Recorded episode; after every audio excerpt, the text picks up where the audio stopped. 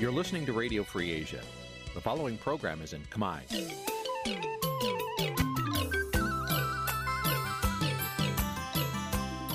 នេះជាកម្មវិធីផ្សាយ Vuthu Azizi Serai នេះជាកម្មវិធីផ្សាយរបស់ Vuthu Azizi Serai ជាភាសាខ្មែរ Vuthu Azizi Serai សូមស្វាគមន៍លោកអ្នកនាងទាំងអស់ពីរដ្ឋធានី Washington នៃសហរដ្ឋអាមេរិកបាទពីរដ្ឋធានី Washington សហរដ្ឋអាមេរិក ខ្ញុំបាទយ៉ងច័ន្ទដារាសូមជម្រាបសួរលោកអ្នកនាងអ្នកស្ដាប់ Vuthu Azizi Serai ទាំងអស់ជាទីមេត្រី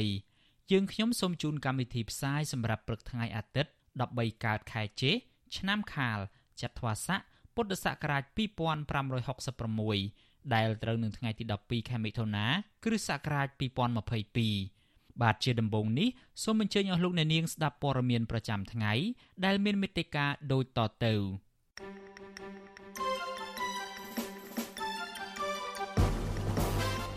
សមាគមអាស៊ានលើកកង្វល់រួមគ្នាអំពីបញ្ហាមីស៊ីលកូរ៉េខាងជើងអ្នកវិភាគថាការបែកបាក់រវាងលោកសំរងស៊ីនិងលោកកឹមសុខាអាចមានប្រយោជន៍ដល់រឿងក្តីរបស់លោកកឹមសុខាអ្នកការពារព្រៃឈើម្នាក់នៅខេត្តស្ទឹងត្រែងរងបណ្ដឹងពីមន្ត្រីបរិស្ថានសកម្មជនបរិស្ថានទទូចដល់រដ្ឋាភិបាលលោកហ៊ុនសែន ឲ្យឈប់លុបបឹងធម្មជាតិដើម្បីបញ្ជៀសទឹកជំនន់ជន់លិចរាជធានីភ្នំពេញរួមនឹងព័ត៌មានសំខាន់ៗមួយចំនួនទៀត។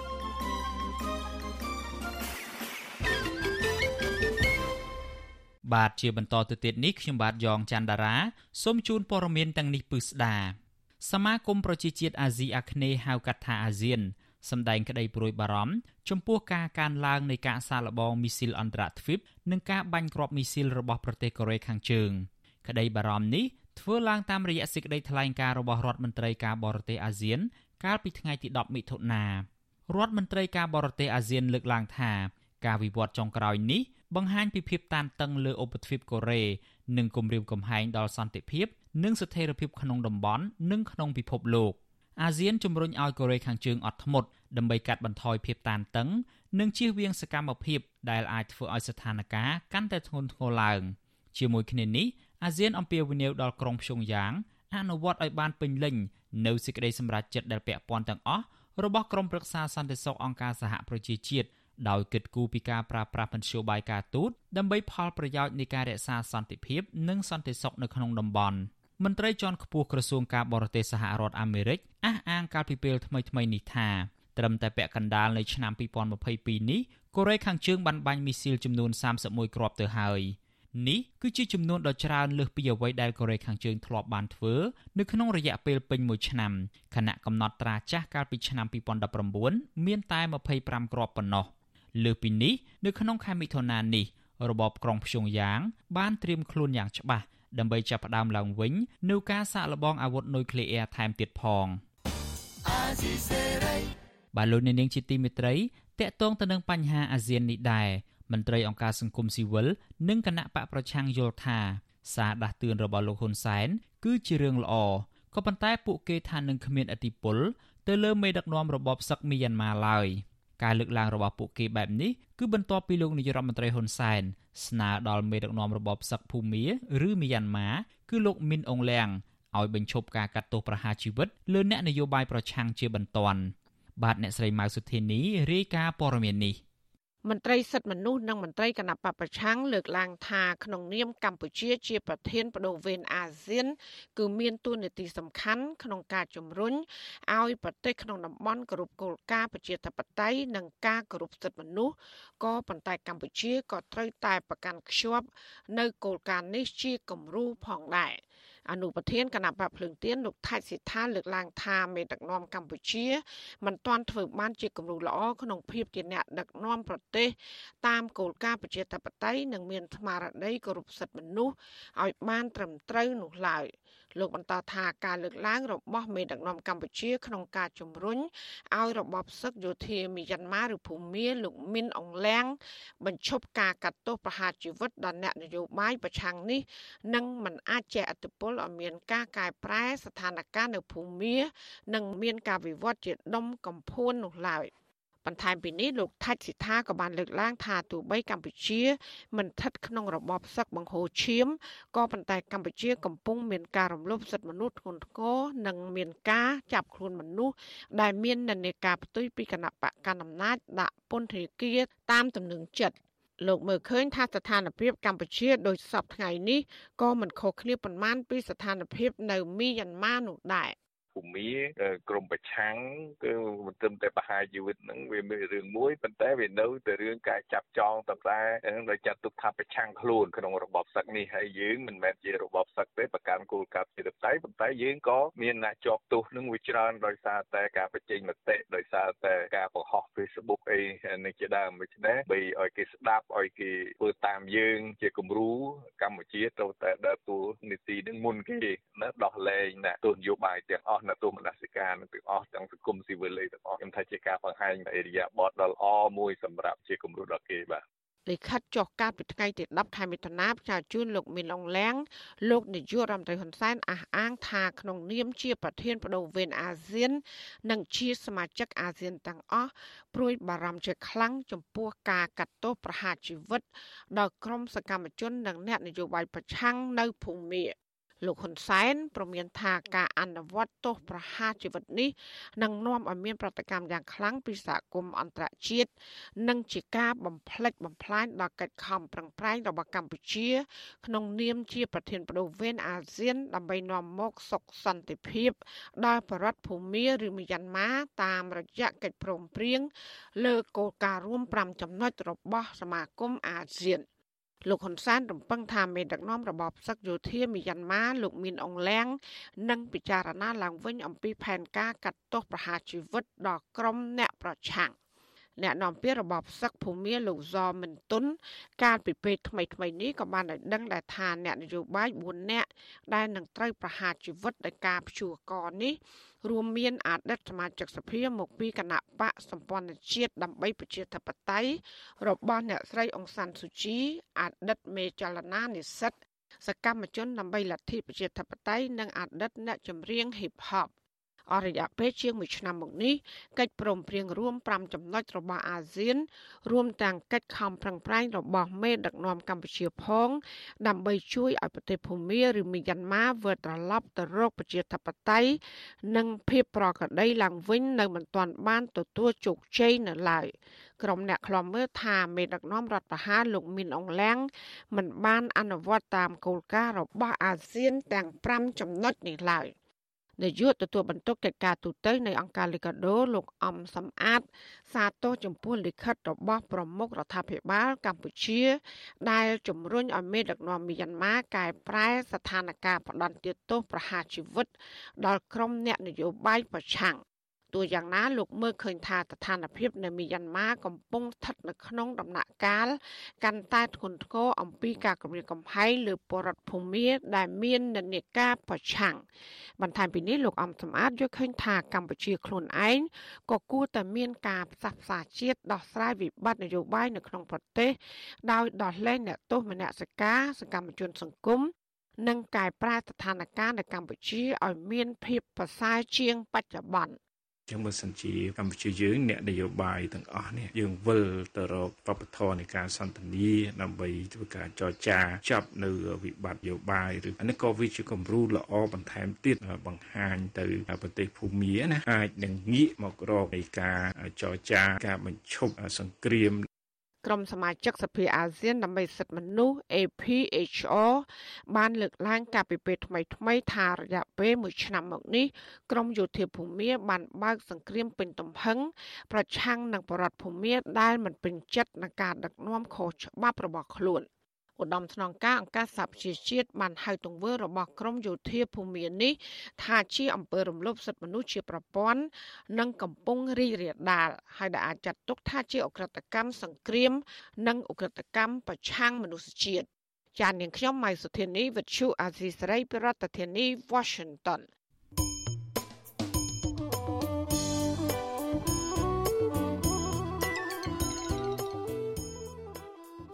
លោកអ្នកនាងជាទីមេត្រីដំណើរគ្នានឹងស្ដាប់ការផ្សាយវិទ្យុអាស៊ីសេរីតាមបណ្ដាញសង្គម Facebook និង YouTube លោកអ្នកនាងក៏អាចស្ដាប់កម្មវិធីផ្សាយរបស់វិទ្យុអាស៊ីសេរីតាមរលកធាតុអាកាសខ្លីឬ short wave តាមកម្រិតនិងកម្ពស់ដូចតទៅនេះពេលព្រឹកចាប់ពីម៉ោង5កន្លះដល់ម៉ោង6កន្លះតាមរយៈរលកធាតុអាកាសខ្លី12140 kHz ស្មើនឹងកម្ពស់ 25m និង13715 kHz ស្មើនឹងកម្ពស់ 22m ពេលយប់ចាប់ពីម៉ោង7កន្លះដល់ម៉ោង8កន្លះតាមរយៈរលកធាតុអាកាសខ្លី9960 kHz ស្មើនឹងកម្ពស់ 30m 12140 kHz ស្មើនឹងកម្ពស់ 25m និង11885 kHz ស្មើនឹងកម្ពស់ 25m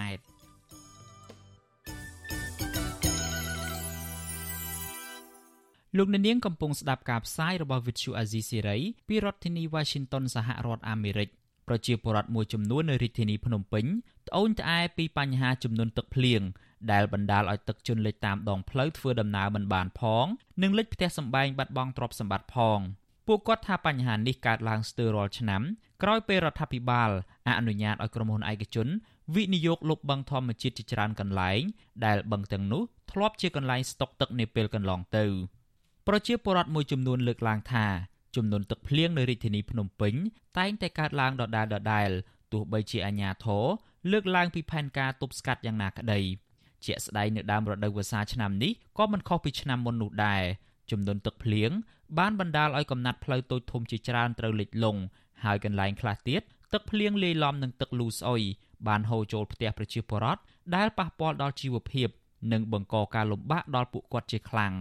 ប្រជាពលរដ្ឋមួយរូបរស់នៅខណ្ឌឫស្សីកែវរាជធានីភ្នំពេញលោកវិចិត្ររតនៈប្រាប់វិទ្យុអាស៊ីសេរីនៅថ្ងៃទី11ខែមិថុនាថាពេលភ្លៀងធ្លាក់ម្ដងម្ដងទឹកជន់លិចផ្លូវហូរចូលផ្ទះនិងទឹកផុសចេញពីលូបណ្ដាលឲ្យខូចទ្រព្យសម្បត្តិនិងប៉ះពាល់ដល់សុខភាពលោកឲ្យដឹងថាកន្លែងខ្លះទឹកលិចកម្ពស់ត្រឹមជង្គង់ហើយកន្លែងខ្លះលិចជង្គង់ទៅទៀតហើយទឹកទាំងនោះលាយឡំដោយកាកសំណល់ធំក្លិនស្អុយចេញពីលូទៀតផង។ ឲ្យតែពេលមេឃភ្លៀងមកម្ដងម្ដងហ្នឹងគឺប្រុងប្រយ័ត្នហើយអ្វីដែលពិបាកបំផុតហ្នឹងគឺលូហ្នឹងគឺចាប់ផ្ដើមវាចេញអាកាកសំណល់អីអីក្នុងលូក្នុងអីហ្នឹងមកទឹកហ្នឹងគឺខ្មៅមែនទែនហើយឲ្យតែយើងលុបជើងចូលគឺលមាស់តែម្ដងអញ្ចឹងពេលភ្លៀងមកម្ដងម្ដងស្ទឹងថាបើអាចគឺនាំគ្នាអត់អត់ឲ្យប៉ះទឹកហ្នឹងទេចំពោះផ្លូវខ្លះសប្តាហ៍អីក៏នៅទឹកដក់នៅក្នុងហ្នឹងដែរព្រោះវាអត់មានដឹងថាហូរទៅណាអញ្ចឹងទៅមានតែជីកទៅកាត់មកកាត់ទៅកាត់មកនឹងឯងប្រឡាក់ឡានប្រឡាក់ម៉ូតូជាងកាឡានបើកផ្ទះលើកៅអៅក៏មាន ស្រដៀងគ្នានេះដែរប្រជាពលរដ្ឋមួយរូបនៅសង្កាត់ទឹកថ្លាខណ្ឌពោធិ៍សែនជ័យ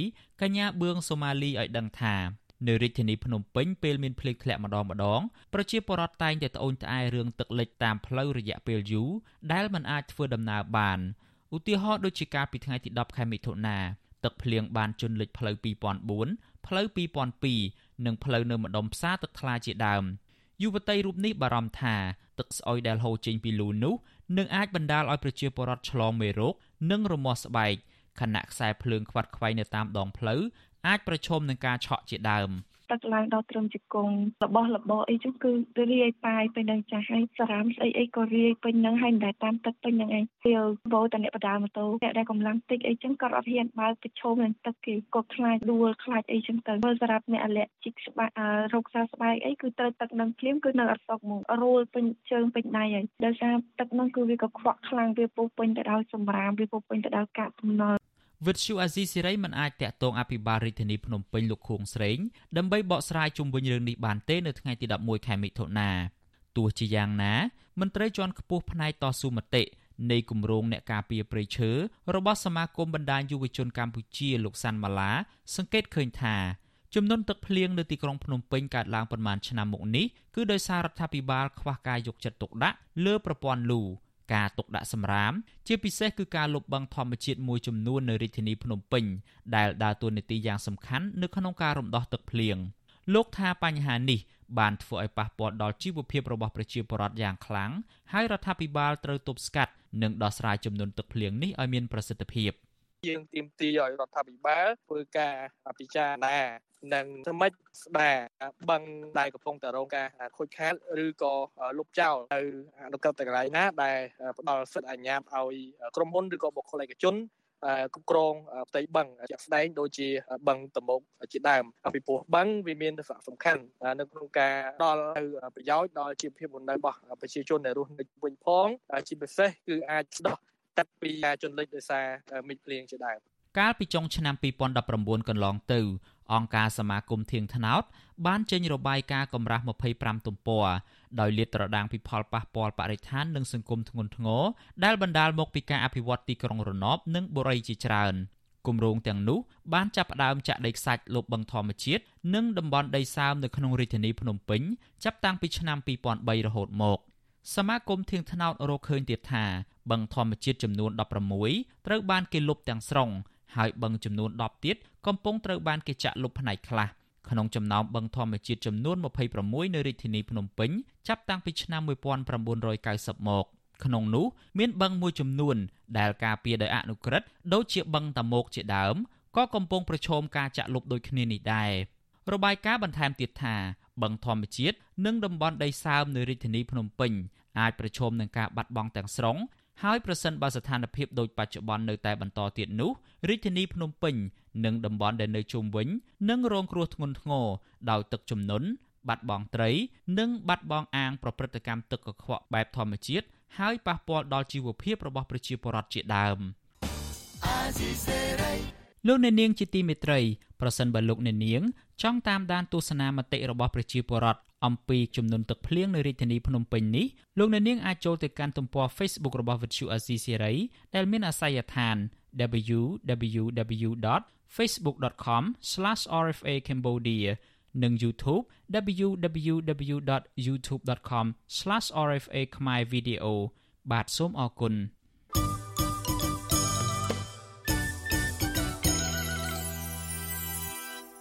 បាទលោកអ្នកនាងជាទីមេត្រីតកតងទៅនឹងបញ្ហាបរិស្ថាននេះដែរសកម្មជនបរិស្ថានអំពាវនាវយ៉ាងទទូចដល់រដ្ឋាភិបាលលោកហ៊ុនសែនឲ្យឈប់លុបបង្ខំធម្មជាតិបន្តទៀតដើម្បីបញ្ជាកុំឲ្យទឹកភ្លៀងជន់លិចរាជធានីភ្នំពេញសកម្មជនបរិស្ថានដដែលក៏ស្នើដល់អាជ្ញាធរពាក់ព័ន្ធមានវិធានការជាបន្ទាន់ក្នុងការដោះស្រាយបញ្ហាទឹកដែលកំពុងតែជន់លិចផ្ទះប្រជាពលរដ្ឋបណ្ដាលឲ្យខូចខាតទ្រព្យសម្បត្តិ រាំងស្ទះដំណើរការអាជីវកម្មនិងកំពុងប្រឈមនឹងបញ្ហាសុខភាព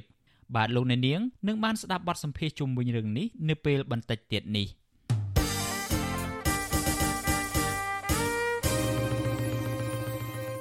លោកអ្នកនាងកំពុងស្ដាប់ការផ្សាយរបស់ Vuthu Azizi Serai ពីរដ្ឋធានី Washington សហរដ្ឋអាមេរិកសមាជិកសហគមន៍ការពារព្រៃឡង់ម្នាក់គឺលោកអុកម៉ៅ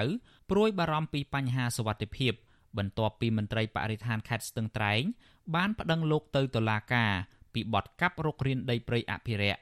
អ្នកការពារព្រៃឡង់រូបនេះចាត់ទុកពាក្យបណ្ដឹងនេះថាជាល្បិចមូលបង្កាច់ដើម្បីកាច់បំបាក់ស្មារតីប្រជាពលរដ្ឋដែលលះបង់ការពារព្រៃឈើព្រោះខ្លាចក្រែងប៉ះពាល់ប្រយោជន៍ឈ្មួញនិងមន្ត្រីខលខូចបាទលោកសេចបណ្ឌិតសូមជូនសេចក្តីរាយការណ៍ព័ត៌មាននេះសកម្មជនការពារព្រៃឡង់ដែលជាជនជាតិដើមភាគតិចគួយរស់នៅស្រុកថ្លាបរិវត្ត លោកអុកម៉ៅហួសចិត្តនៅគ្រាដាលមន្ត្រីបរិស្ថានខេត្តស្ទឹងត្រែង បានប្តឹងលោកទៅកាន់តុលាការដោយចោទប្រកាន់ពីបទរុករានដីព្រៃឡង់អស់ជាង20ហិកតាលោកអះអាងថាលោកពុំបានប្រព្រឹត្តកំហុសដោយការចោទប្រកាន់នោះទេ ហើយលោកចាត់ទុកពាក្យបណ្ដឹងនេះថាជាល្បិចមូលបង្កាច់គ្មានមូលដ្ឋានខណៈដែលមន្ត្រីបរិស្ថានមិនបានបង្ហាញផុសតាង អំពីការកាប់រុករានដីព្រៃអភិរក្សនៅចំណុចណាមួយឲ្យពិតប្រាកដនោះឡើយលោកគិតថា ការប្តឹងផ្ដាល់នេះព្រោះតែមន្ត្រីបរិស្ថានមិនសប្បាយចិត្តនឹងសកម្មភាពរបស់ពួកលោក ដែលតែងតែឃ្លាំមើលបទល្មើសព្រៃឈើនិងតែងតែរិះគន់អាជ្ញាធរមិនអនុវត្តច្បាប់ព្រៃឈើទៅតាមប្រព័ន្ធផ្សព្វផ្សាយលោកបន្ថែមថាកន្លងទៅពួកលោកបានផ្ដល់ព័ត៌មាននិងទីតាំងឈូសឆាយទន្ទ្រានដីព្រៃឡង់អស់រាប់ពាន់ហិកតាស្ថិតនៅក្នុងឃុំអន្លង់ជ្រៃនិងឃុំអន្លង់ភេស្រុកថ្លាបរវត្តតែមិនឃើញមានមន្ត្រីបរិស្ថានចុះអនុវត្តច្បាប់ទេ បែរជាទម្លាក់កំហុសលើរូបលោកទៅវិញហើយខ្ញុំអ្នកការពារព្រៃសោះហើយក៏គាត់ទៅទៅចោទថាខ្ញុំអ្នកកាប់បំផ្លាញព្រៃឈើហើយដល់ពេលគ្រឿងចាក់វាយព្រៃអស់រាប់រយហាត់រាប់ថារាប់ពាន់ហាត់រាប់ម៉ឺនហាត់ទៅចុះគាត់អត់ដែរទប់ស្កាត់ផងមកទប់ស្កាត់អាពួកខ្ញុំអត់ដឹងអីសោះនេះមកមួលប្រកាច់ពួកខ្ញុំខ្ញុំថាគាត់គាត់គម្រាមកំហែងចង់ឲ្យចំនឹងរាយការទៅខាងនេះខាងនោះឲ្យអ្នកការពារព្រៃដឹងឮចឹងហ៎បងលោកអុកម៉ៅ ខកចិត្តនៅគ្រាដាលប្រធានមន្ទីរបរិស្ថានខេត្តស្ទឹងត្រែងដែលទើបតែតែងតាំងថ្មី គឺលោកស្រែងជាហេងមិនបំពេញតួនាទីអនុវត្តច្បាប់ការពារព្រៃឈើដែលកំពុងទទួលរងការកាប់ឈើមានតម្លៃនិងឈូសឆាយទន្ទ្រានយកដីធ្វើជាកម្មសិទ្ធិអស់រាប់ពាន់ហិកតា បន្ថែមពីលើនេះសកម្មភាពកាប់ឈើកំពុងកើតមានជាច្រើនស្ថិតនៅត្រង់ចំណុចជ្រៃធំ នៅក្នុងភូមិស្រឡៅឃុំអន្លង់ជ្រៃនិងមានតំបន់ខ្លះទៀតស្ថិតនៅឃុំចំការលើ ស្រុកថ្លាបរវត្តនៃដែនជំរកសត្វព្រៃឡង់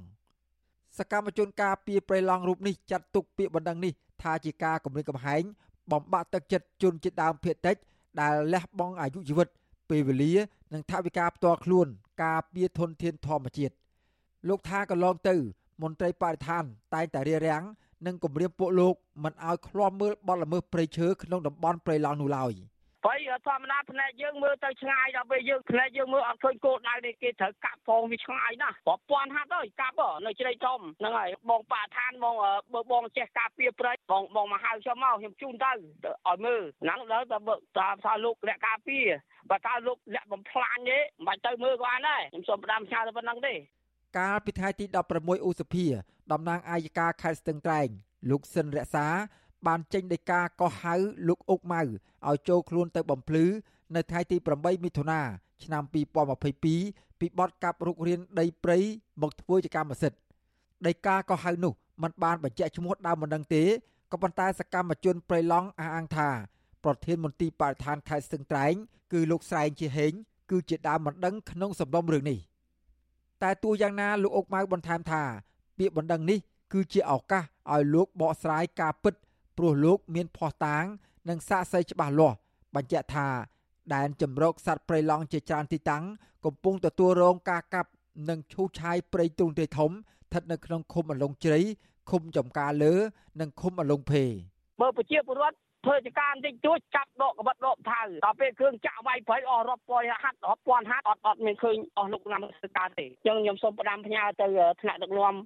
លើលើផងហើយមន្ត្រីក្រមក្រមគាត់គាត់កំពុងតែបំផ្លាញជាតិហើយបើអីគ្រឿងចាក់វាយប្រៃគាត់មិនដែលធ្វើការរាយការ10ដង20ដងគាត់មិនដែលធ្វើការទេគាត់ប្រជាពលរដ្ឋធ្វើចការកបិតបន្ថែមចាប់ដាក់គុកដាក់ច្បាប់វិទ្យុអាស៊ីសេរីនៅពុំទាន់អាចតាក់ទងសុំការបំភ្លឺអំពីរឿងនេះ ពីតំណាងអាយកាខេត្តស្ទឹងត្រែងលោកសិនរក្សាបាននៅឡើយទេ នៅថ្ងៃទី10ខែមិថុនារីឯប្រធានមន្ទីរបរិស្ថានខេត្តស្ទឹងត្រែងលោកស្រែងជាហេងនិងព្រះរាជអាជ្ញាអមតុលាការខេត្តស្ទឹងត្រែងលោកចេតខាមរ៉ាក៏វិទ្យុអាស៊ីសេរីមិនទាន់អាចសុំការបំភ្លឺបានដែរដោយទូរស័ព្ទហៅចូលច្រើនដងតែគ្មានអ្នកទទួលប៉ុន្តែអ្នកនាំពាក្យសាលាខេត្តស្ទឹងត្រែងលោកម៉ែនគង់ប្រាប់បទសុអាស៊ីស្រីយ៉ាងខ្លីថាសំណុំរឿងនេះ ជានីតិវិធីរបស់តុលាការហើយប្រសិនបើពលរដ្ឋមិនបានប្រព្រឹត្តកំហុសដោយការចោទប្រកាន់នោះទេគឺគ្មានទោសអ្វីឡើយអានោះអត់ខុសទេអត់ខុសទេកុំឲ្យទៅមានរឿងអីផ្សេងទៀតបាទប៉ុណ្ណឹងទេបងការចូលរួមការពីទុនធានធម្មជាតិមិនខុសទេជុំវិញរឿងនេះមន្ត្រីសម្របសម្រួលសមាគមអាត6ខេត្តស្ទឹងត្រែងលោកប៊ីវ៉ាន់ឌីយល់ថាការប្រើអំណាចជាមន្ត្រីនគរបាលយុតិធធប្តឹងប្រជាពលរដ្ឋដែលលះបង់ការពីព្រៃឈើគឺជាទង្វើគំរាមកំហែងស្មារតីប្រជាពលរដ្ឋដែលជាផ្នែកមួយ ធ្វើឲ្យព្រៃឈើកាន់តែបាត់បង់លោកស្នើសុំឲ្យព្រះរាជអាជ្ញាចុះស៊ើបអង្កេតដល់ទីតាំងជាក់ស្ដែងដើម្បីរកការពិត ជាពិសេសត្រូវពិនិត្យមើលសកម្មភាពកាប់រៀនដីព្រៃអភិរក្សអស់រាប់ពាន់ហិកតា ដែលមន្ត្រីបរិស្ថានបណ្ដេតបណ្ដោយឲ្យមានករណីនេះកើតឡើង។ នៅឃុំកាំងចាមដែលកាប់ចូលដីព្រៃឡុងហើយក៏មិនឃើញខាងត្រីបឋានរៀបចំឯកសារដាក់ពាក្យបណ្ដឹងទៅតុលាការផងអានឹងយើងឃើញហើយនៅខាងលងជ្រៃក៏មានការកាប់បំផ្លាញក្នុងតំបន់ព្រៃឡុងដែរហើយអីក៏យើងមិនឃើញខាងមន្ត្រីបឋានរៀបចំឯកសារដាក់ចូលតុលាការដែរអានឹងដែលយើងឃើញណាសេចក្តីរាយការណ៍របស់ប្រជាសហគមន៍ព្រៃឡង់បន្ថែមថា មកទល់នឹងពេលនេះព្រៃឡង់នៅចំណុចភូមិមននិងភូមិវាលពោឃុំមន្លងជ្រៃត្រូវគេកាប់អស់ជាង200ហិកតាជាថ្មីទៀត។ រីឯព្រៃឡង់នៅចំណុចវាលព្រិចក្នុងភូមិអន្លង់ជ្រៃឃុំអន្លង់ជ្រៃក៏ត្រូវគេកាប់បំផ្លាញអស់ជិត1000ហិកតា នៅរយៈពេលជាង4ខែចុងក្រោយនេះ លើពីនេះក្រុមអ្នកកាប់ឈើជាច្រើនក្រុមប្រដាប់ដោយរណាយន្តជាច្រើនគ្រឿងកំពុងមមាញឹកកាប់រៀនព្រៃទាំងតូចទាំងធំរួចដុតកំទេចចោលដើម្បីបំលែងតំបន់នោះជាដីកម្មសិទ្ធិឯកជន ក្រមព្រហ្មទណ្ឌមាត្រា528ចែងថា មន្ត្រីរាជការសាធារណៈមិនប្តឹងបរិហានិងមិនអើពើបង្ក្រាបបទល្មើសស្ថិតនៅក្នុងដែនសមត្ថកិច្ចរបស់ខ្លួនត្រូវផ្ដន់ទោសដាក់ពន្ធនាគារពី1ឆ្នាំដល់3ឆ្នាំ និងពិន័យជាប្រាក់2លានរៀលដល់6លានរៀលព្រៃឡង់ស្ថិតនៅក្នុងចន្លោះខេត្តចំនួន4គឺខេត្តក្រចេះស្ទឹងត្រែងព្រះវិហារនិងខេត្តកំពង់ធំ ត្រូវរដ្ឋាភិបាលប្រកាសបង្កើតជាដែនជម្រកសត្វព្រៃកាលពីថ្ងៃទី9ខែឧសភាឆ្នាំ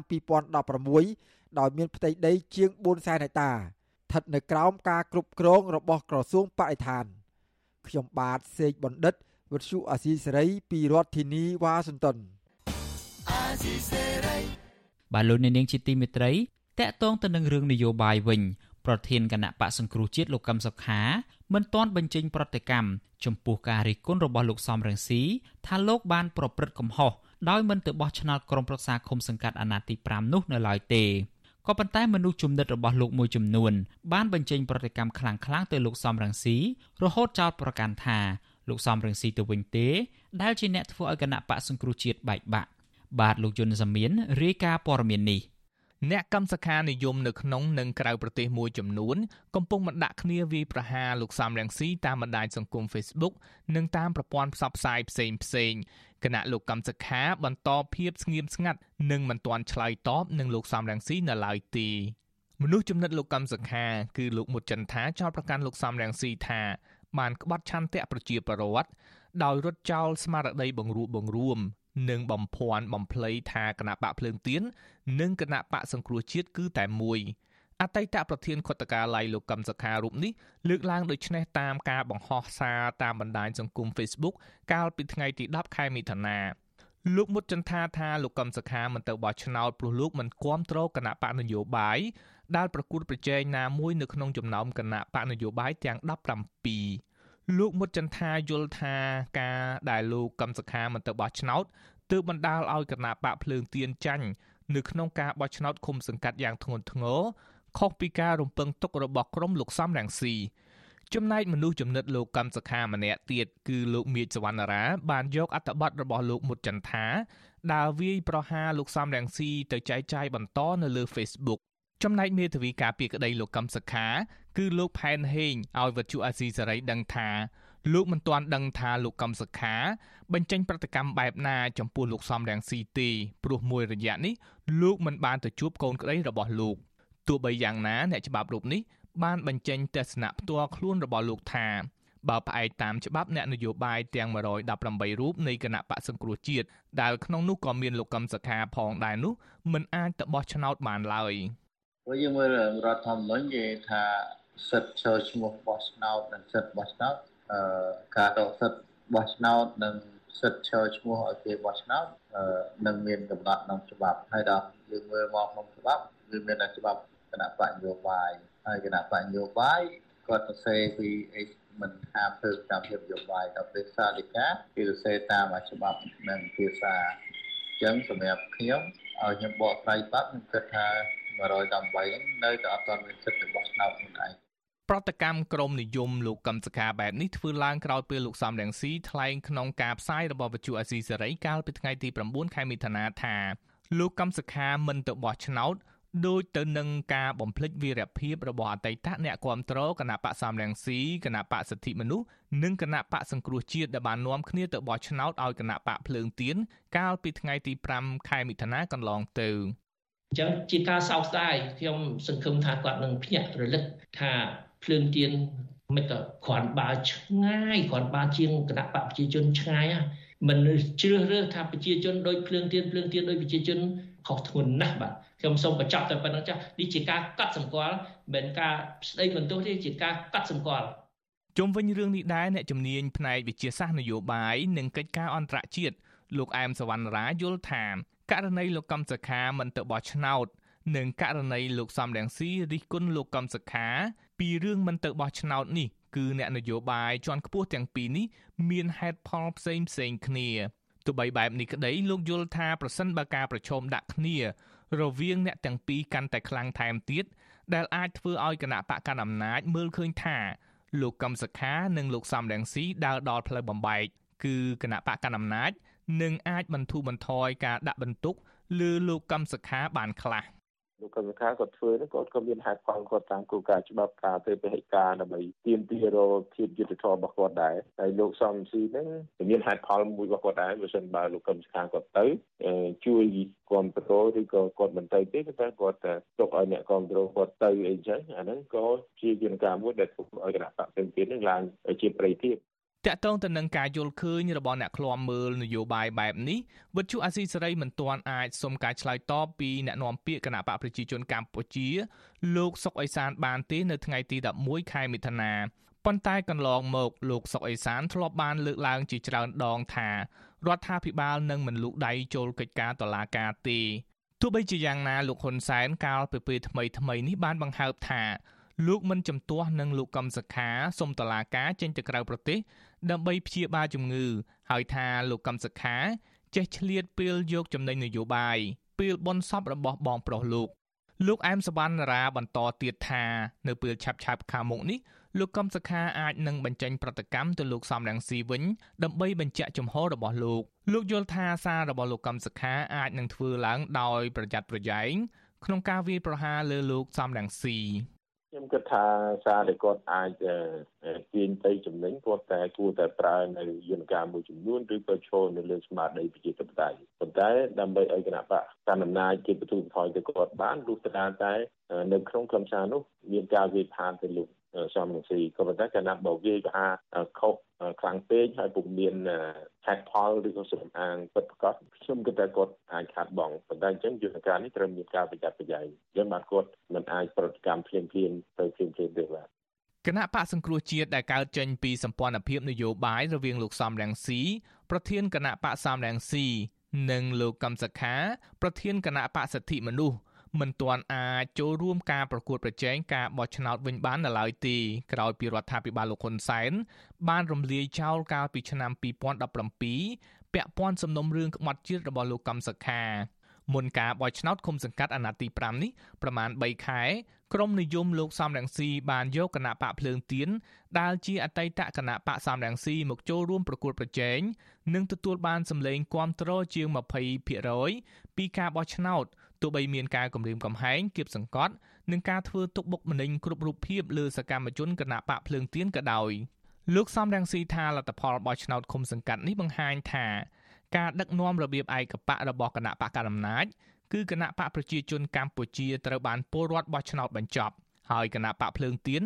នឹងមានឱកាសឈ្នះឆ្នោតទទួលបានអាសនៈរដ្ឋសភាក្នុងការបោះឆ្នោតឆ្នាំ2023ខាងមុខនេះ ខ្ញុំយុនសាមៀនវិទ្យុអាស៊ីសេរីប្រធានាធិបតី Washington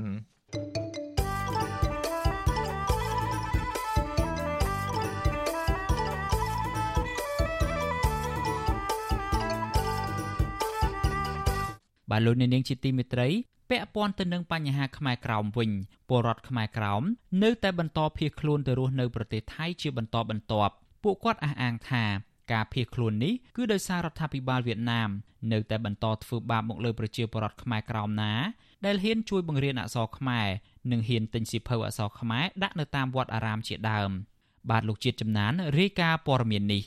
ពលរដ្ឋខ្មែរក្រោមនៅតែបន្តភៀសខ្លួនទៅរកទីដែលមានសុវត្ថិភាពដូចជាប្រទេសថៃជាដើមដោយសារតែដែនកំណើតរបស់ខ្លួនអាញាធរវៀតណាមតែងតែគៀបសង្កត់សេរីភាពនិងធ្វើទុកបុកម្នេញចំពោះពលរដ្ឋខ្មែរក្រោមណាដែលមានទឹកចិត្តស្រឡាញ់អក្សរសាស្ត្រ ទំនៀមទម្លាប់និងប្រពៃណីរបស់ខ្លួនពលរដ្ឋខ្មែរក្រម្នាក់មកពីខេត្តមាត់ជ្រូកដែលវៀតណាមបដូរទៅជាខេត្តអាងយ៉ាងលោកចៅប្រាជ្ញប្រាប់វិសុអេស៊ីស្រីនៅថ្ងៃទី11ខែមិថុនាថាលោកនឹងប្រពន្ធបានភៀសខ្លួនចេញទៅរស់នៅប្រទេសថៃជាង1ខែមកហើយបន្ទាប់ពីអាជ្ញាធរវៀតណាមបានចេញលិខិតកោះហៅលោកចំនួន2លើកដើម្បីសាកសួរពីមូលហេតុដែលលោកទិញសិភៅភាសាខ្មែរដែលបោះពុម្ពនៅក្រសួងអប់រំយុវជននិងកីឡានៅកម្ពុជាមកដាក់នៅក្នុងវត្តតែលោកមិនព្រមទៅតាមដីកាកោះហៅនោះទេ បរិះវ័យ50ឆ្នាំរូបនេះបញ្ជាក់ថានៅពាក់កណ្ដាលត្រៀតពួកមន្ត្រីនគរបាលមូលដ្ឋានស្លៀកពាក់ស៊ីវិលមានគ្នាជាង10នាក់មកបត់ផ្ទះរបស់លោកក្នុងបំណងនាំខ្លួនលោកប៉ុន្តែលោកព្យាយាមបដិសេធហើយនិយាយថាតើតែមន្ត្រីមានឯកសណ្ឋានត្រឹមត្រូវទើបលោកទៅជាមួយលោកអះអាងថានៅពេលនោះមន្ត្រីទាំងនោះក៏ត្រឡប់ទៅយកឯកសណ្ឋានវិញហើយលោកឆ្លៀតឱកាសរត់គេចខ្លួនតែម្ដង។ តែលើកទី3ក៏ប្រកាសត្រៀបនៅហើយជា12យប់គឺមកគាត់ចាប់ខ្ញុំនៅផ្ទះមកយប់នេះនោមខ្ញុំគាត់បើកទ្វារក្រោយថាឲ្យយើងខ្ញុំថាគាត់អាចទៅខ្លួនទៅគឺមកវាមិនល្អទេមកកណ្ដាលយកបត្រៀបទេគាត់ក៏វាគេថាអត់មានសុខភាពដល់យើងអញ្ចឹងឲ្យយើងថាកាត់កិច្ចខ្លួនសិនទៅខ្ញុំក៏កិច្ចខ្លួនទៅដេកនៅចការនោះអស់ប្រហែល3 3ញ៉ាយ3ញ៉ាយ3យប់ក្រោយមកក៏ប្រពន្ធខ្ញុំយកបាយយកទៅឲ្យហូបនោះខ្ញុំយល់ថាមិនអាចចុះទៅផ្ទះបានទេព្រោះអីគេនៅពាត់ជុំវិញនឹងអស់មិនអាចមកបានទេ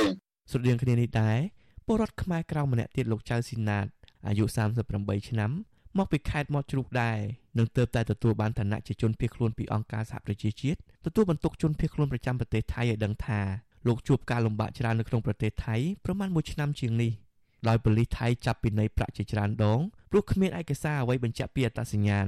លោកបន្តថាមូលហេតុដែលលោកភៀសខ្លួនទៅប្រទេសថៃនេះព្រោះអាញាធរវៀតណាមបង្ខំឲ្យលោកដូរអត្តសញ្ញាណប័ណ្ណ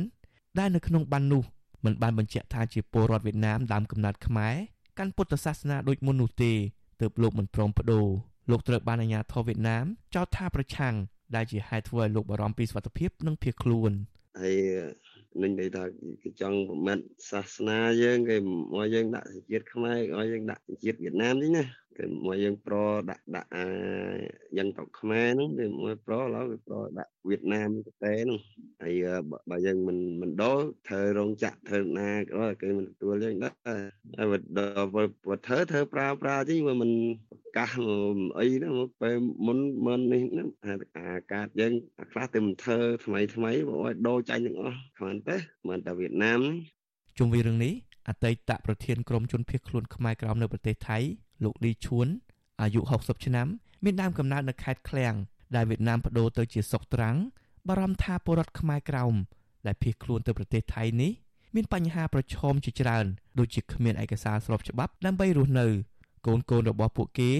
បានទៅសាលាតិចតួចនិងប៉ូលីសថៃអាចចាប់ខ្លួនគ្រប់ពេលជាដើមលោកបន្តថាជាពិសេសនៅពេលដែលពលរដ្ឋខ្មែរក្រោមឈឺដូចជាទៅពិនិត្យផ្ទៃពោះនិងពេលឆ្លងទន្លេនៅមន្ទីរពេទ្យម្ដងម្ដង បុគ្គលិកពេទ្យមិនចង់ពិនិត្យឲ្យនោះទេរហូតដល់គម្រាមប្តឹងប៉ូលីសមកចាប់ទៀតផងគឺលំបាកណាស់រស់ណែខ្លាចតម្រួតព្រឹកល្ងាចមិនដឹងគេចាប់ថ្ងៃណាអីថ្ងៃណាគេបញ្ជូនទៅស្រុកកំណើតវិញហ្នឹងណាហើយទី3ទៀតហ្នឹងគឺបញ្ហាយើងអ្នកមកកាន់កាត UN ដែលកាន់កាត UN ហ្នឹងមិនមានសិទ្ធិធ្វើការងារទេណាអត់មានសិទ្ធិធ្វើការងារទេអញ្ចឹងលួចធ្វើទៅពេលខ្លះក៏បានការងារធ្វើពេលខ្លះក៏មិនបានការងារធ្វើអញ្ចឹងហើយជំនួយឧបត្ថម្ភពី UNHCR ហ្នឹងក៏មានហើយសប្បុរសជនហ្នឹងក៏បានតិចតួចអញ្ចឹងរឿងសំខាន់មួយទៀតហ្នឹងកូនចៅហ្នឹងចង់ចូលរៀនហ្នឹងលំបាកលំបាកមែនទែនព្រោះយើងអត់មានឯកសារស្របច្បាប់អញ្ចឹងហើយលំបាកណាស់បាទ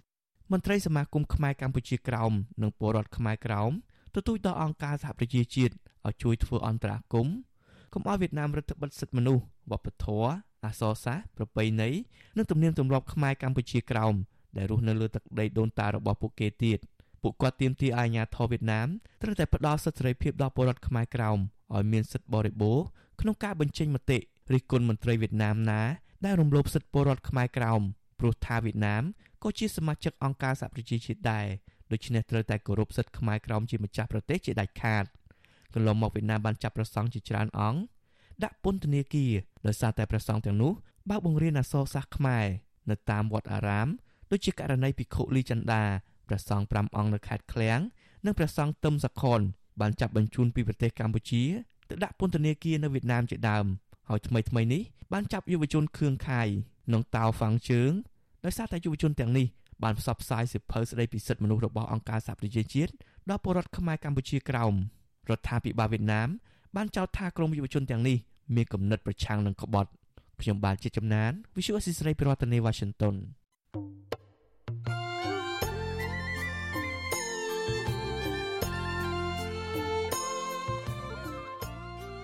លោកអ្នកនាងជាទីមេត្រី នៅក្នុងឱកាសនេះដែរខ្ញុំបាទសូមថ្លែងអំណរគុណដល់លោកអ្នកនាងកញ្ញាទាំងអស់ដែលតែងតែមានភក្ដីភាពចំពោះការផ្សាយរបស់យើងហើយចាត់ទុកការស្ដាប់វិទ្យុអាស៊ីសេរីជាផ្នែកមួយនៃសកម្មភាពប្រចាំថ្ងៃរបស់លោកអ្នកនាង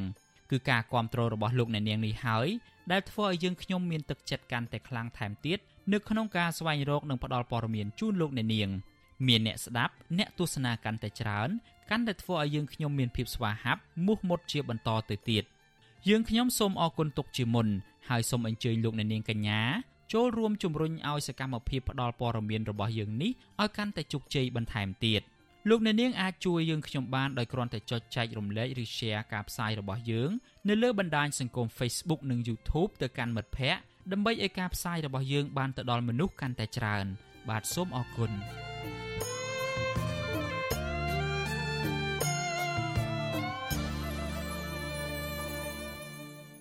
បាទលោកអ្នកនាងជាទីមេត្រីតកតងទៅនឹងរឿងទំនាក់ទំនងរវាងកម្ពុជានិងអូស្ត្រាលីវិញរដ្ឋលេខាធិការនៃក្រសួងការបរទេស និងពាណិជ្ជកម្មអូស្ត្រាលីអ្នកស្រី Catherine Campbell គ្រងមកបំពេញទស្សនកិច្ចនៅកម្ពុជា ចាប់ពីថ្ងៃទី12ដល់ថ្ងៃទី14ខែមិថុនាដំណើរទស្សនកិច្ចនេះធ្វើឡើងស្របពេលខួបលើកទី70ឆ្នាំនៃទំនាក់ទំនងការទូតរវាងប្រទេសទាំងពីរនិងក្នុងពេលដែលកម្ពុជាធ្វើជាប្រធានបដូវវេនអាស៊ានសេចក្តីប្រកាសព័ត៌មានរបស់ស្ថានទូតអូស្ត្រាលីប្រចាំកម្ពុជា កាលពីថ្ងៃទី11ខែមិថុនាឲ្យដឹងថាអ្នកស្រី Catherine Campbell នឹងជួបពិភាក្សាការងារជាមួយរដ្ឋមន្ត្រីការបរទេសកម្ពុជាលោកប្រាក់សុខុនរដ្ឋមន្ត្រីប្រតិភូអមនាយករដ្ឋមន្ត្រីលោកកៅកំហួននិងលោកលីថុចអនុប្រធានទី1នៃអាជ្ញាធរមីនកម្ពុជាអ្នកស្រី Catherine Campbell គូបញ្ជាក់ថាអូស្ត្រាលីនិងកម្ពុជា មានទំនាក់ទំនងយ៉ាងរឹងមាំនិងយូរអង្វែងអស់រយៈពេល70ឆ្នាំមកហើយរដ្ឋាភិបាលអូស្ត្រាលីបដិញ្ញាបន្តធ្វើការរួមគ្នាតទៅមុខទៀត ដើម្បីដោះស្រាយបញ្ហាប្រឈមនានានៅក្នុងតំបន់និងសកលលោកព្រមទាំងគាំទ្រដល់កម្ពុជា ដែលជាប្រធានបដូវវេនអាស៊ាននៅឆ្នាំនេះផងដែរចក្ខុវិស័យរបស់សមាគមអាស៊ានគាំទ្រដល់តំបន់ Indo-Pacific បើកចំហប្រកបដោយបរិយាបន្ននិងមានភាពធន់គឺមានសារៈសំខាន់នៅក្នុងតំបន់ស្ថិតិក្រសួងពាណិជ្ជកម្មបង្ហាញថាក្នុងឆ្នាំ2021 កម្ពុជាបាននាំចេញផលិតផលទំនិញទៅប្រទេសអូស្ត្រាលីគិតជាទឹកប្រាក់ចំនួនជាង200លានដុល្លារដែលកើនឡើងជាង54%បើធៀបនឹងកាលពីឆ្នាំ2020ចំណែកឯការនាំទំនិញចូលមកកម្ពុជាពីប្រទេសអូស្ត្រាលីវិញគឺមានចំនួនជិត120លានដុល្លារដែលកើនឡើងប្រមាណជិត50%បើធៀបទៅនឹងកាលពីអំឡុងឆ្នាំ2020ពាក់ព័ន្ធទៅនឹងវត្តមានយោធាចិន នៅមូលដ្ឋានកងទ័ពជើងទឹករៀមវិញនាយករដ្ឋមន្ត្រីអូស្ត្រាលីលោក Anthony Albanese ក៏បានសម្ដែងក្តីបារម្ភដោយសហរដ្ឋអាមេរិកដែរក៏ប៉ុន្តែរដ្ឋាភិបាលកម្ពុជានិងចិនបានបដិសេធចំពោះការចោទប្រកាន់ទាំងនេះ។ក្តីបារម្ភរបស់សហរដ្ឋអាមេរិកនិងអូស្ត្រាលីនេះគឺដោយសារតែរបាយការណ៍ចុងក្រោយបានបង្ហាញថាកម្ពុជានឹងអនុញ្ញាតឲ្យចិនប្រើប្រាស់មូលដ្ឋានទ័ពជើងទឹករៀមផ្ដាច់មុខនៅពេលដែលមូលដ្ឋានកងទ័ពនោះត្រូវបានសាងសង់និងអភិវឌ្ឍរួចរាល់ ពាក់ព័ន្ធទៅនឹងរឿងបញ្ហាសុខភាពវិញក្រសួងសុខាភិបាលឲ្យដឹងថាជំងឺគ្រុនឈាមកើនឡើងជាង100%នៅក្នុងរយៈពេល5ខែដើមឆ្នាំ2022នេះបើធៀបនឹងរយៈពេលដូចគ្នាកាលពីឆ្នាំមុន។រយៈពេល5ខែមកនេះនៅក្នុងចំណោមអ្នកកើតជំងឺគ្រុនឈាមសរុបជាង1300នាក់គឺបានសម្លាប់មនុស្ស3នាក់ហើយកាលពីឆ្នាំ2021អ្នកកើតជំងឺគ្រុនឈាមមានចំនួន600នាក់និងគ្មានអ្នកស្លាប់នោះទេ ក៏ប៉ុន្តែក្នុងអំឡុងឆ្នាំ2021មានអ្នកកើតជំងឺគ្រុនឈាមសរុបចំនួន1903នាក់និងមានអ្នកស្លាប់8នាក់ក្រសួងសុខាភិបាលគូបញ្ជាក់កាលពីថ្ងៃទី10ខែមិថុនាថាកំណើនខ្លាំងនៃជំងឺគ្រុនឈាមនៅឆ្នាំនេះបណ្ដាលមកពីភ្លៀងធ្លាក់ញឹកញាប់ខុសពីឆ្នាំមុននិងជាមូលហេតុធ្វើឲ្យទឹកដក់ច្រើន ដែលជាប្រភពសម្បុកមូសខ្លាក្រសួងសុខាភិបាលព្រមានថាជំងឺគ្រុនឈាមនឹងប្រឈមការកើនឡើងខ្លាំងនៅក្នុងរដូវវស្សានេះនៅតាមភូមិឃុំ និងទីប្រជុំជន នៅបណ្ដាខេត្តមួយចំនួន ជាពិសេសខេត្តដែលមានការដ្ឋានសំណង់និងមានប្រជាជនរស់នៅច្រើនកុះកក្រសួងឲ្យដឹងទៀតថាមូសខ្លាចូលចិត្តបង្កកំណើតពងកូន នៅក្នុងសម្បកកង់រថយន្តសម្បកកង់ម៉ូតូចាស់ចាស់និងវត្ថុដាក់ទឹកសម្រាប់ប្រើប្រាស់ផ្សេងផ្សេងក្រសួងសុខាភិបាលអំពាវនាវដល់អាជ្ញាធរមូលដ្ឋាន មន្ទីរឬក៏អង្គភាពពាក់ព័ន្ធមេដាបៃតាម្ចាស់ការដ្ឋានសំណង់និងកម្មករទាំងអស់ ត្រូវចូលរួមថែរក្សាបរិស្ថានស្អាតដើម្បីកម្ចាត់សម្ភារៈផ្សេងផ្សេងដែលដក់ទឹកដូចជាសម្បកកង់ឡាន កំប៉ុងសម្បកដូង និងក្រឡជាដើម ដែលជាប្រភពកំណើតមូសខ្លា បន្ថែមពីនេះប្រជាពលរដ្ឋគ្រប់រូបត្រូវរស់នៅមានអនាម័យស្អាតល្អការពារកុមារកុំឲ្យមូសខាំដោយដេកក្នុងមុងទាំងថ្ងៃទាំងយប់ស្លៀកសម្លៀកបំពាក់ជិតជិតកុំឲ្យកុមារលេងនៅទីងងឹតនិងត្រូវបើកទ្វារបើកបង្អួចឲ្យមានពន្លឺថ្ងៃចូលគ្រប់គ្រាន់ ប្រសិនបើសង្ស័យថាមានការជំងឺគ្រុនឈាមត្រូវរុះរាន់មកទទួលសេវាព្យាបាលនៅមន្ទីរពេទ្យក្រសួងសុខាភិបាលមិនអនុញ្ញាតឲ្យគ្លីនិកឯកជន ដែលគ្មានជំនាញចំណេះដឹងសម្ភារៈនិងឧបករណ៍ត្រឹមត្រូវធ្វើការវិនិច្ឆ័យនិងផ្ដល់សេវាព្យាបាលដល់អ្នកកើតជំងឺគ្រុនឈាមនោះឡើយ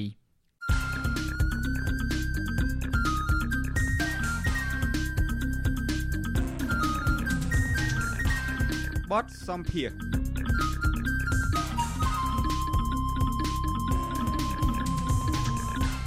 លោកអ្នកនាងជាទីមេត្រី សកម្មជនបរិស្ថានលោកថនរដ្ឋា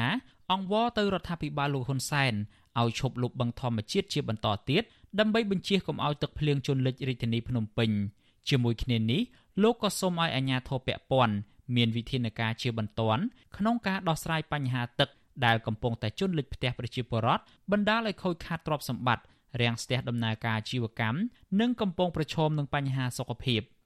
សូមលោកអ្នកនាងស្ដាប់បទសម្ភាសន៍របស់លោកសេងបណ្ឌិតជាមួយសកម្មជនបរិស្ថាននៃអង្គការចលនាមេដាធម្មជាតិគឺលោកថនរដ្ឋាជុំវិញរឿងនេះដូចតទៅ។ រដ្ឋាភ្លៀងប្រហែលថ្ងៃជាប់ជាប់គ្នាមកយើងឃើញទស្សនវិជ្ជាដែលបង្ហាញនៅតាមបណ្ដាញសង្គម Facebook នឹងមានការចាប់រំជាច្រើនដោយតំបន់ខ្លះលិចលង់រហូតមិនអាចធ្វើដំណើរដោយយានជំនិះម៉ូតូឡាននេះបានទេហើយពួកគាត់បានប្រើមធ្យោបាយទូកវិញមានទូកជិះតាមមុខផ្ទះពីឆ្លងផ្ទះមួយទៅតំបន់មួយទៅតំបន់មួយថែមទៀតផងបញ្ហាដែលធ្វើឲ្យការជន់លិច ម្ដងហើយម្ដងទៀតរៀងរាល់ពេលដែលមានភ្លៀងម្ដងម្ដងនេះតើក្រៅពីមូលហេតុនៃការស្ទះលូតើវាមានមូលហេតុអ្វីមួយចំនួនទៀតដែលធ្វើឲ្យមានការជន់លិចមិនអាចដោះស្រាយបានទេបាទបាទអរគុណលោកពូតាប៉ិតម្សិលមិញហ្នឹងគឺក៏ខ្ញុំនៅទីក្រុងភ្នំពេញហើយខ្ញុំខ្លួនឯងផ្ទាល់ហ្នឹងក៏បានឃើញស្ថានភាពនៃនៃទឹកចំនួនជន់ទឹកភ្លៀងហ្នឹងដូចគ្នាដែរខ្ញុំតាមត្រឡប់មកដល់ខេត្ត ពេលល្ងាចមិញនេះទេអញ្ចឹងម្សិលមិញហ្នឹងគឺខ្ញុំជួបពេញទំហឹងនៃផលប៉ះពាល់នៃដែលពេលដែលមានភ្លៀងកាលពីល្ងាចមិញហ្នឹងហើយយើងឃើញថាភ្លៀងម្សិលមិញមិនមែនជាភ្លៀងដែលតូចទេគឺជាភ្លៀងដែលធំអាចនិយាយបានថាជាលើកទី1ហើយដែលដែលអាចថារដូវវស្សាមកហ្នឹងគឺម្សិលមិញហ្នឹងគឺភ្លៀងខ្លាំងមែនតើហើយមានខ្យល់កន្ត្រាក់រហូតដល់បាក់ផ្ទាំងប៉ាណូដ៏ធំនៅបដោយផ្លូវ2004អីជាដើមហ្នឹង ហើយខ្ញុំខ្ញុំដូចជាចាប់ដើមមើលឃើញស្ថានភាពកាន់តែអាក្រក់ទៅអាក្រក់ទៅនៅបញ្ហាបំរែបំរួលអាកាសធាតុវាអាចថាដោយសារតែការកាប់បំផ្លាញព្រៃឈើពីមួយថ្ងៃទៅមួយថ្ងៃហើយយើងឃើញថាថ្មីថ្មីនេះព្រៃមេតាធម្មជាតិនៅខាងស្រុកអរ៉ាល់ខេត្តកំពង់ស្ពឺហ្នឹងដែលជាព្រៃដែលបានថែរក្សាដោយដោយប្រសង់មួយអង្គរួមជាមួយប្រជាពលរដ្ឋហ្នឹងជាង20ឆ្នាំហើយកំពុងតែកាប់ទន្ទ្រានហើយជាពិសេសហ្នឹងគេថាភ្នំតាម៉ៅដែលជា ជាតំបន់ដែលមានព្រៃឈើហ្នឹងក៏កំពុងតែត្រៀមខ្លួននៅក្នុងការដែលអាចនឹងប្រឈមនៅក្នុងការកាប់បំផ្លាញនាពេលអនាគតអាហ្នឹងជាគេហៅថាបណ្ដាសារបស់ធម្មជាតិដែលយើងឃើញថាភ្លៀងខ្លាំងមែនតើហើយប្រឈមនឹងទីក្រុងភ្នំពេញយើងគឺឲ្យតែភ្លៀងគឺមិនដែលមានប្រជាពលរដ្ឋណាដែលមិនបង្ហោះថាមានភ្លៀងមកគឺគាត់ត្រៀមខ្លួនគឺត្រៀមខ្លួនដែលខ្ញុំត្រៀមខ្លួនតាំងពីអាចថាខ្ញុំនៅភ្នំពេញ តាំងពី10ឆ្នាំមុនហ្នឹងខ្ញុំត្រៀមខ្លួនមុនគេនៅពេលដែលភ្លៀងគឺត្រៀមខ្លួនជាមួយនឹងឆ្នាំងជាមួយនឹងកធន់ត្រៀមនឹងបាច់ទឹកដោយសារតែត្រៀមនឹងលិចលិចផ្ទះហើយលិចផ្លូវលិចអីទាំងអស់អញ្ចឹងអាការត្រៀមខ្លួនហ្នឹងមិនមែនថាទៀងត្រៀមខ្លួនគេហៅតែធ្វើស្រែដូចអ្នកស្រែដែលថាមានភ្លៀងមកត្រៀមខ្លួនស្អែកទៅទៅគឺត្រៀមខ្លួនចានឆ្នាំងដើម្បីរើដើម្បីអីចឹងជាដើមហើយយើងឃើញដូចនៅក្នុងរូបដែលបានបង្ហាញអញ្ចឹងគឺផ្លូវហ្នឹងគឺខ្ញុំ ពីច្រើនផ្ទះខ្ញុំដោយសារផ្ទះបងស្រីរបស់ខ្ញុំនៅក្បែរនឹងដែរនេះជាផ្លូវវត្តពោធិញៀនម្ដងវត្តពោធិញៀនខ្ញុំជិះផ្លូវហ្នឹងដូចគ្នាគឺឲ្យតែភ្លៀងល្មមល្មមហ្នឹងគឺលិចឯងលិចហើយយើងឃើញថាប្រព័ន្ធលូមានបញ្ហាផងហើយជាពិសេសយើងសោកស្ដាយសោកស្ដាយដោយសារតំបន់ក្បែរហ្នឹងគឺជាតំបន់ដែលក្បែរនឹងអាងស្តុកទឹកអាងស្តុកទឹកជាជាបឹងបឹងតពុននិងបឹងជើងឯកដែលរូបភាពបង្ហាញនេះគឺនៅម្ដុំ បឹងជើងឯកនិងបឹងតពុននៅក្បែរគ្នាប៉ុន្តែដូចបងប្អូនបានដឹងហើយបឹងតពុនត្រូវបានលុបស្ទើរតែទាំងអស់ដែលមានការសាងសង់ជំនួសមកវិញនៅការចាក់ដីពេញហើយសាងសង់នៅផ្ទះវិឡាផ្ទះថ្មអីអីខុនដូអីនឹងជាដើមអីនឹងផ្សារទំនើបអីនឹងជាដើមហ្នឹងហើយបឹងជើងឯកក៏ដូចគ្នាកំពុងតែរងការលុបបន្តបន្ទាប់ហើយយើង ចុងក្រោយដែលស្ទើរតែស្រក់ទឹកភ្នែកហើយខ្ញុំខ្លួនឯងផ្ទាល់ហ្នឹងក៏ជួបបញ្ហាហ្នឹងធ្លាប់និយាយច្រើនសារច្រើនលើករហូតដល់ទទួល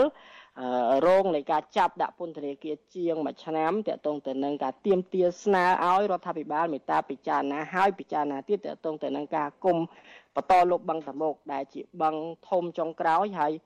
សំបីតែមានការស្រាវជ្រាវច្បាស់លាស់តកតងទៅនឹងការដែលលិចនៃចំនួនទឹកភ្លៀងហ្នឹងគឺភាគច្រើននៃការដែល លិចហ្នឹងគឺដោយសារតែយើងបាត់បង់អាងស្តុកទឹកអាងស្តុកទឹកដ៏សំខាន់មានបឹងតពុនបឹងជើងឯកបឹងកក់ហើយចុងក្រោយនេះបឹងបឹងតាម៉ូកំពុងតែបន្តលុបជាបន្តបន្ទាប់ហ្នឹងហើយយើងមិនត្រឹមតែមានឯកសារសូម្បីតែក្រសួងធនធានទឹកនិងអតុនិយមដែលជា សេនាធិការរបស់រដ្ឋាភិបាលហ្នឹងក៏ខ្ញុំចាំថាមុននឹងខ្ញុំជាប់ពន្ធនាគារកាលពីឆ្នាំ2020ហ្នឹងក៏លើកឡើងស្រៀងគ្នាតាក់ទងទៅនឹងបញ្ហាបណ្ដាលមកពីការលុបបង្កឲ្យក្រសួងហ្នឹងក៏ស្នើសុំឬក៏ស្នើកុំឲ្យមានការលុបបង្កបន្តបន្ទាប់អញ្ចឹងត្រឡប់មកវិញភ្លៀងលិចនៅទីក្រុងភ្នំពេញឥឡូវវាខ្លាចទៅជារឿងធម្មតារបស់ប្រជាពលរដ្ឋហើយប៉ុន្តែវាធម្មតាដោយសារវាធម្មតាដោយសារតែឲ្យតែភ្លៀងលិចភ្លៀងលិចហើយយើងឃើញថា ការលុបបង្កនៅតែបន្តនៅតែបន្តហើយដូចជាមិនសូវជាមានមន្ត្រីមានអាជ្ញាធរណាតែងតែចោតប្រកាន់ទៅលើការលុបបង្កឲ្យពួកអាចថាបារម្ភពីសវត្ថិភាពអីចឹងជាដើមបាទបាទអឺអង្គការសង្គមស៊ីវិលអ្នកធ្វើការខ្លំមើលខាងបរិស្ថានបាត់ដាក់បន្ទុកការលិចលង់នេះទៅលើបច្ចេកទេសនៃការកសាងលូ បញ្ហាការលុបបង្កជាបន្តបន្ទាប់ដោយរដ្ឋាភិបាលរៀបរាប់ហើយនឹងរបាយការណ៍របស់អង្គការធានថ្នោតនោះក៏បានបង្ហាញជាបន្តបន្ទាប់ដែរថាការលិចលង់នេះបណ្ដាលមកពីការលុបបង្កធម្មជាតិសំខាន់សំខាន់បឹងធំធំដូចជាបឹងកក់បឹងជើងឯកបឹងទំពុនឥឡូវចុងក្រោយនេះឈានទៅដល់ការលុបបឹងមួយផ្នែកធំនៃបឹងកប់ស្រូវដែលជាកន្លែងរំដោះទឹកដ៏សំខាន់នៅក្នុងរាជធានីភ្នំពេញនេះថែមទៀតផងក៏ប៉ុន្តែខាងរដ្ឋាភិបាលវិញ តែងតែប្រកែកអំពីបញ្ហានេះថាការលិចលង់នេះមិនមែនដោយសារការលុបបឹងនោះទេគឺថាដោយសារតែបញ្ហាប្រជាពលរដ្ឋមួយចំនួនចោលសម្រាមមិនទាន់មានសវត្ថិភាព ហើយការលិចលង់នេះគឺជារឿងគ្រោះធម្មជាតិជាសំខាន់ចំពោះការលើកឡើងរបស់រដ្ឋាភិបាលបែបនេះតើរដ្ឋាយល់យ៉ាងម៉េចដែរបាទខ្ញុំដូចមិនមានអីចម្លែកទេនៅពេលដែលរដ្ឋាភិបាលមិនដែលទទួលស្គាល់គេហៅថាការពិតគេថាការពិតដែលកំពុងតែកើតមានហើយសំបីតែក្មេង អឺដែលដែលគាត់រៀនតិចតួចហ្នឹងក៏គាត់ដឹងដែរថាតើអឺគ្រាន់តែសម្រាមអាចធ្វើឲ្យមានការលិចលង់ដល់ម្លឹងដែរឬអត់ហើយតើតើធម្មជាតិហ្នឹងគេហៅថាជាពិសេសអ្នកដែលរស់នៅទីក្រុងភ្នំពេញយូរហើយហ្នឹងដែលដែលរស់តន់គេតន់បង្កក់តន់បឹងទំពុននៅទាំងអស់តន់បឹងអឺជើងឯកអីនៅទាំងអស់ហ្នឹងថាតើគាត់យល់ស្របដែរឬអត់ព្រោះ គាត់ប្រកាសជាច្បាស់ហើយព្រោះគេហៅថាពីមុនមកបើទោះបីជាភ្លៀងយើងទទួលស្គាល់ថាមិនមែនមិនលិចទេគឺលិចដែរប៉ុន្តែមិនរហូតទៅដល់លិចហើយទឹកនៅតែជន់យូរថ្ងៃបែបនេះទេអាចថាយ៉ាងច្រើនហ្នឹង1ម៉ោង2ម៉ោងអីហ្នឹងទឹកស្រក់ទៅវិញអស់ហើយมันมันมันរហូតទៅដល់ដល់ថ្ងៃទៀតដល់រហូតដល់ថ្ងៃនេះហ្នឹងក៏ក៏នៅតំបន់មួយចំនួនហ្នឹងគឺនៅតែទឹកដក់តាមធម្មតាទេភាគច្រើនអញ្ចឹងហើយបានបានជា ការពិតគឺគឺនៅតែជាការពិតទេហើយបងប្អូនប្រជាពលរដ្ឋឥឡូវហ្នឹងគាត់មិនដូចពីមុនទេឥឡូវមាន Facebook ឥឡូវមាន TikTok មាន Telegram គាត់មានឱកាសក្នុងការទោះបីជាគាត់នៅខេត្តឆ្ងាយតែយ៉ាងហោចណាស់ក៏គាត់បានដឹងពីភ្នំពេញបែបណាតនសភាពការហើយយើងឃើញថាមានអ្នកជំនាញបើពីមុនហ្នឹងពិបាករករអ្នកជំនាញខ្លះខ្លះទៅលើអាហ្នឹងឥឡូវយើងមានអង្គការស្រាវជ្រាវដែលមានអ្នកជំនាញផងនិយាយពីបញ្ហាហ្នឹងសូម្បីតា មន្ត្រីរបស់ខ្លួនឯងដែលជាគេហៅថាក្រសួងធនធានទឹកហ្នឹងក៏លើកឡើងពីបញ្ហានៃការលុបបង្អញ្ចឹងការពិតគឺគឺនៅតែជាការពិតហើយបើសិនជារដ្ឋាភិបាលនៅតែព្យាយាមបិទបាំងព្យាយាមនិយាយបែបការពារខ្លួនដោយសារតែព្រោះខ្លួនជាអ្នកដែលលុបបាំងទាំងអស់ហ្នឹងព្រោះប្រជាពលរដ្ឋមិនអាចទៅលុបបាំងនឹងបានទេរដ្ឋាភិបាលជាអ្នកចេញអនុក្រឹត្យក្នុងការលុបបាំងហ្នឹងអញ្ចឹង បើមិនមិនការពារអាចថាប៉ះពាល់មុខមាត់របស់គាត់អញ្ចឹងទៅប៉ុន្តែការពិតនៅតែជាការពិតទេពលរដ្ឋគេបានដឹងរួចអស់ទៅហើយអំពីបញ្ហានៃការដែលមានចំនួនទឹកភ្លៀងរហូតនៅទីក្រុងភ្នំពេញជាជាងគេហៅថាដាក់បន្ទុកទៅទៅលើធម្មជាតិខ្ញុំថាបើធម្មជាតិគាត់ចេះនិយាយស្ដីប្រហែលជាគាត់ងើបមកនិយាយមកអាស៊ីសេរីដូចគ្នាជាមួយខ្ញុំហ្នឹងមកអង្គុយតវ៉ាជាមួយគ្នាប្រហែលជាអាចនឹងទៅដល់ទីស្តីការគណៈរដ្ឋមន្ត្រីលើកបដាលើកអីទៀមទាឲ្យ រោគយុទ្ធធរឲ្យគាត់ដែរព្រោះគាត់នឹងអីសោះមួយថ្ងៃមួយថ្ងៃគាត់តែបំផ្លាញគាត់ឥឡូវពេលដែលជួបបញ្ហាបែរជាបន្ទោសទៅគាត់ទៀតបាទអរគុណមកចំណុចទៀតពាក់ព័ន្ធនឹងដំណោះស្រាយនឹងការទទួលខុសត្រូវរបស់អាជ្ញាធរឬមួយក៏រដ្ឋាភិបាលវិញនៅពេលដែលជនលិចអញ្ចឹងមានការប៉ះពាល់ ច្រើនទាំងទ្រព្យសម្បត្តិទាំងបញ្ហាសុខភាពរដ្ឋាគិតថារដ្ឋាភិបាលឬក៏អាជ្ញាធរគួរតែមានវិធានការជួយសង្គ្រោះបន្ទាន់ដល់ប្រជាពលរដ្ឋដែលកំពុងរងផលប៉ះពាល់នេះបើសិនជាទឹកមិនអាចស្រកទៅបានលឿនលឿននៅក្នុងរយៈពេលស្អែកឬខែស្អែកនេះតើរដ្ឋាភិបាលគួរតែបញ្ចេញកញ្ចប់ថវិកាណាមួយជួយដល់ប្រជាពលរដ្ឋឬមួយក៏ប៉ះពាល់ទៅលើការខូចខាតនិងជួយសង្គ្រោះផ្នែកសុខភាពរបៀបណាខ្លះតាមការពិនិត្យជាក់ស្ដែងរបស់រដ្ឋាទាំងនៅជុំវិញផ្ទះនិងតំបន់ផ្សេងៗនោះបាទ បាទខ្ញុំថាទី1ហ្នឹងបើបើសិនជារដ្ឋាភិបាលបើសិនជាខ្ញុំឯណាបើសិនជាខ្ញុំជារដ្ឋាភិបាលហ្នឹងខ្ញុំសុំទោសប្រជាពលរដ្ឋដែរខ្ញុំលើកដៃសុំទោសប្រជាពលរដ្ឋហ្មងពេលដែលតឹមតាងើពីវិបត្តិ COVID-19 ឥឡូវមកជួបបញ្ហារឿងជនលិចទឹកភ្លៀងខូចខាតរបស់របរហើយជាពិសេសមធ្យោបាយធ្វើដំណើរអ្នកខ្លះហ្នឹងអស់លុយដូចខ្ញុំម្សិលមិញគាត់តែធ្វើធ្វើជាងម៉ូតូផ្លែហ្នឹងអស់20000អញ្ចឹងទៅហើយនៅសាំងឡើងថ្លៃទៀត បើសិនជាខ្ញុំជារដ្ឋាភិបាលគឺខ្ញុំសុំទោសប្រជាពលរដ្ឋទាំងអស់គ្នាតែម្ដងតាក់ទងទៅលើបញ្ហាហ្នឹងហើយទី2ហ្នឹងគឺនឹងបង្កើតគណៈកម្មការស្រាវជ្រាវឲ្យឲ្យខានតែបានដែលមានគ្រប់ក្រមគ្រប់និន្នាការអ្នកណាក៏ដោយឲ្យតែចង់មានជំនាញចូលរួមដោះស្រាយលើបញ្ហាហ្នឹងក្រុមហ៊ុនឯកជនក្រុមហ៊ុនបែបណាក៏ដោយចូលរួមជាមួយគ្នាដើម្បីសិក្សាជាមួយគ្នាដើម្បីរកដំណោះស្រាយថាធ្វើម៉េចបើកន្លែងណាមានបញ្ហារឿងលូយើងចាប់ផ្ដើមរៀបចំលូបើកន្លែងណា មានបញ្ហារឿងសម្រាមយើងចាប់ផ្ដើមរៀបចំបញ្ហាសម្រាមហើយជាពិសេសហ្នឹងគឺចាប់ផ្ដើមពិចារណាមែនតើរឿងបន្តលុបបឹងហ្នឹងគឺខ្ញុំមិនមិនប៉ះហ្មងបាទសូមអរគុណច្រើនលោកធនរដ្ឋាដែលជាសកម្មជនបរិស្ថាននៃអង្គការចលនាមេដាធម្មជាតិបានផ្ដល់បទសភាជូនដល់អាស៊ីសេរីសម្រាប់លើនេះបាទជម្រាបលាតែប៉ុណ្្នេះសិនបាទបាទជម្រាបលាបងហើយនឹងជម្រាបលាបងប្អូនទាំងអស់គ្នាបាទសូមសុខសប្បាយទាំងអស់គ្នាអរគុណ បាទលោកអ្នកនាងទើបតែបានស្ដាប់បទសម្ភាសន៍របស់លោកសេងបណ្ឌិតជាមួយសកម្មជនបរិស្ថាននៃអង្គការចលនាមេដាធម្មជាតិលោកថនរដ្ឋាពាក់ព័ន្ធទៅនឹងបញ្ហាចំនួនទឹកភ្លៀងនៅរាជធានីភ្នំពេញបង្កឡើងដោយការលុបបង្ខំធម្មជាតិ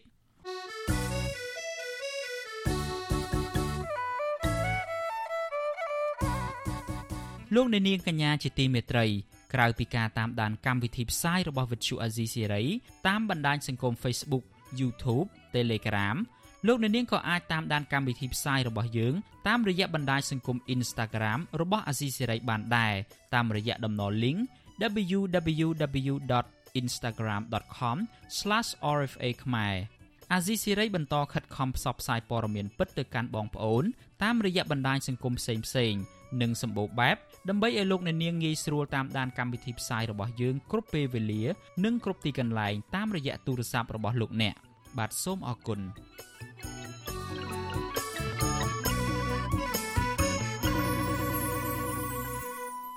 បាទលោកអ្នកនាងជាទីមេត្រីសមាគមប្រជាជាតិអាស៊ីអាគ្នេយ៍ហៅកាត់ថាអាស៊ានសម្ដែងក្តីព្រួយបារម្ភចំពោះការកើនឡើងនៃការសាកល្បងមីស៊ីលអន្តរជាតិទ្វីបនិងការបាញ់គ្រាប់មីស៊ីលរបស់ប្រទេសកូរ៉េខាងជើងក្តីបារម្ភនេះធ្វើឡើងតាមរយៈសេចក្តីថ្លែងការណ៍របស់រដ្ឋមន្ត្រីការបរទេសអាស៊ាន កាលពីថ្ងៃទី10មិថុនា រដ្ឋមន្ត្រីការបរទេសអាស៊ានលើកឡើងថា ការវិវត្តចុងក្រោយនេះបង្ហាញពីភាពតានតឹងលើឧបទ្វីបកូរ៉េនិងគំរាមកំហែងដល់សន្តិភាព និងស្ថិរភាពក្នុងតំបន់និងក្នុងពិភពលោក។អាស៊ានជំរុញឲ្យកូរ៉េខាងជើងអត់ធ្មត់ដើម្បីកាត់បន្ថយភាពតានតឹង និងជៀសវាងសកម្មភាពដែលអាចធ្វើឲ្យស្ថានភាពកាន់តែធ្ងន់ធ្ងរឡើងជាមួយគ្នានេះអាស៊ានអំពាវនាវដល់ក្រុងព្យុងយ៉ាងអនុវត្តឲ្យបានពេញលេញនៅសេចក្តីសម្រេចចិត្តដែលពាក់ព័ន្ធទាំងអស់ របស់ក្រុមប្រឹក្សាសន្តិសុខអង្គការសហប្រជាជាតិដោយគិតគូរពីការប្រើប្រាស់មធ្យោបាយការទូតដើម្បីផលប្រយោជន៍នៃការរក្សាសន្តិភាពនិងសន្តិសុខនៅក្នុងតំបន់។មន្ត្រីជាន់ខ្ពស់ក្រសួងការបរទេសសហរដ្ឋអាមេរិកអះអាងកាលពីពេលថ្មីៗនេះថាត្រឹមតែពាក់កណ្ដាលនៃឆ្នាំ2022នេះកូរ៉េខាងជើងបានបាញ់មីស៊ីលចំនួន31គ្រាប់ទៅហើយ នេះគឺជាចំនួនដ៏ច្រើនលើសពីអ្វីដែលកូរ៉េខាងជើងធ្លាប់បានធ្វើនៅក្នុងរយៈពេលពេញមួយឆ្នាំខណៈកំណត់ត្រាចាស់កាលពីឆ្នាំ2019មានតែ25គ្រាប់ប៉ុណ្ណោះលើសពីនេះនៅក្នុងខែមិថុនានេះរបបក្រុងព្យុងយ៉ាង បានត្រៀមខ្លួនយ៉ាងច្បាស់ដើម្បីចាប់ផ្ដើមឡើងវិញនូវការសាកល្បងអាវុធនុយក្លេអ៊ែរថែមទៀតផង